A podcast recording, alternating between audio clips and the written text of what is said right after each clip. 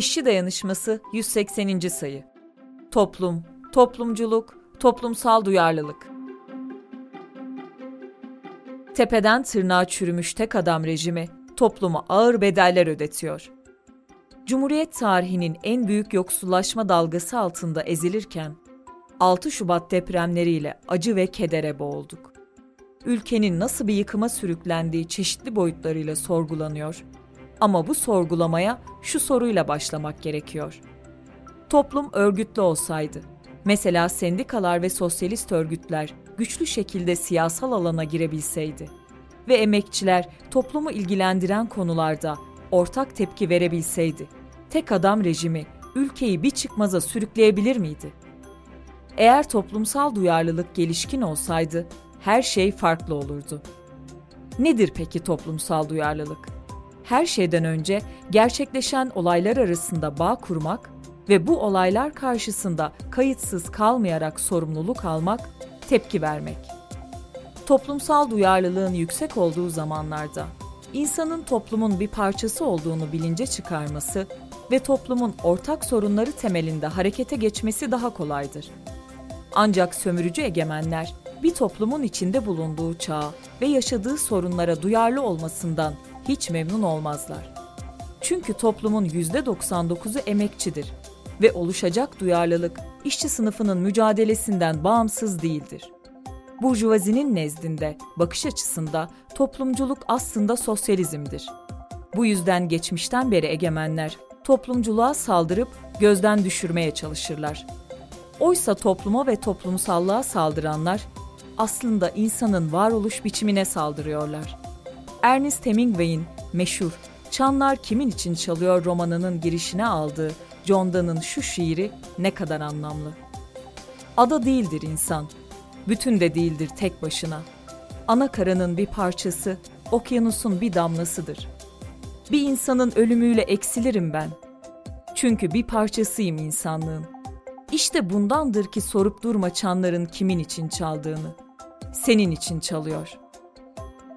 İnsan ne zaman kendi küçük dünyasından sıyrılıp toplum denen denizin içinde yaşadığını fark ederse, kendi çıkarının toplumun çıkarından geçtiğini anlarsa o zaman toplumsal duyarlılık kazanır.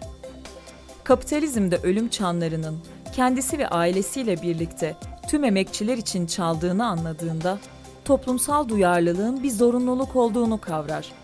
Mesela deprem felaketini düşünelim gündelik yaşamın koşturmacası içinde bireysel sorunlarla boğuşan milyonlarca insan 6 Şubat sabahı büyük bir toplumsal yıkıma uyandı.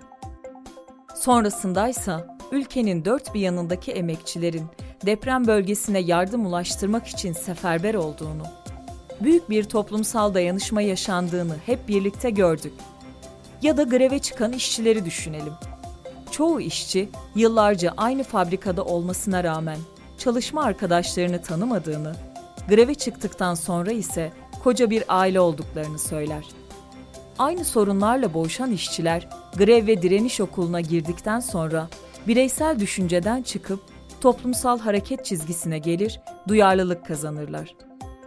Gazetemizin bir önceki sayısının başyazısında belirttiğimiz gibi Avrupa ülkelerinde işçi sınıfı uzun ve sert mücadeleler vermiş, bu mücadeleler sonucunda hem ekonomik hem de demokratik haklar kazanmıştır. Sendikaların, sosyalist örgüt ve partilerin güçlü olduğu, işçi sınıfının örgütlü gücünü hissettirdiği ülkelerde toplumsal duyarlılık çok daha yüksektir. Toplumsal duyarlılık aslında tarihsel bir kazanımdır ve işçi sınıfının geçmişten günümüze verdiği büyük mücadeleler sayesinde mümkün olabilmiştir. Ancak bu kazanım örgütlülükle korunabilmektedir. Mesela Türkiye'de egemenler işçi sınıfının haklarına pervasızca saldırırken büyük bir dirençle karşılaşmıyorlar. Çünkü 1980 askeri faşist darbesinin ardından işçi sınıfının örgütleri dağıtıldı. Toplumsal duyarlılık ezildi. Yeni kuşaklar toplumculuk fikrinden uzaklaştırıldı. Bu yıllar bencillik ve rekabetin baskın hale geldiği, toplumun dayanışma duygusundan uzaklaştırıldığı, aynı ölçüde işçi sınıfının mücadelesinin geriye çekildiği yıllardı. Burjuvazi, toplumu düşünmenin aptallık olduğunu söyleyerek genç kuşaklara bu yollara girmemelerini propaganda ediyordu. Bugün tek adam rejiminin toplumun bağrında büyük tahribat yaratabilmesinin arkasında böylesi bir süreç var. Fakat zaman değişiyor.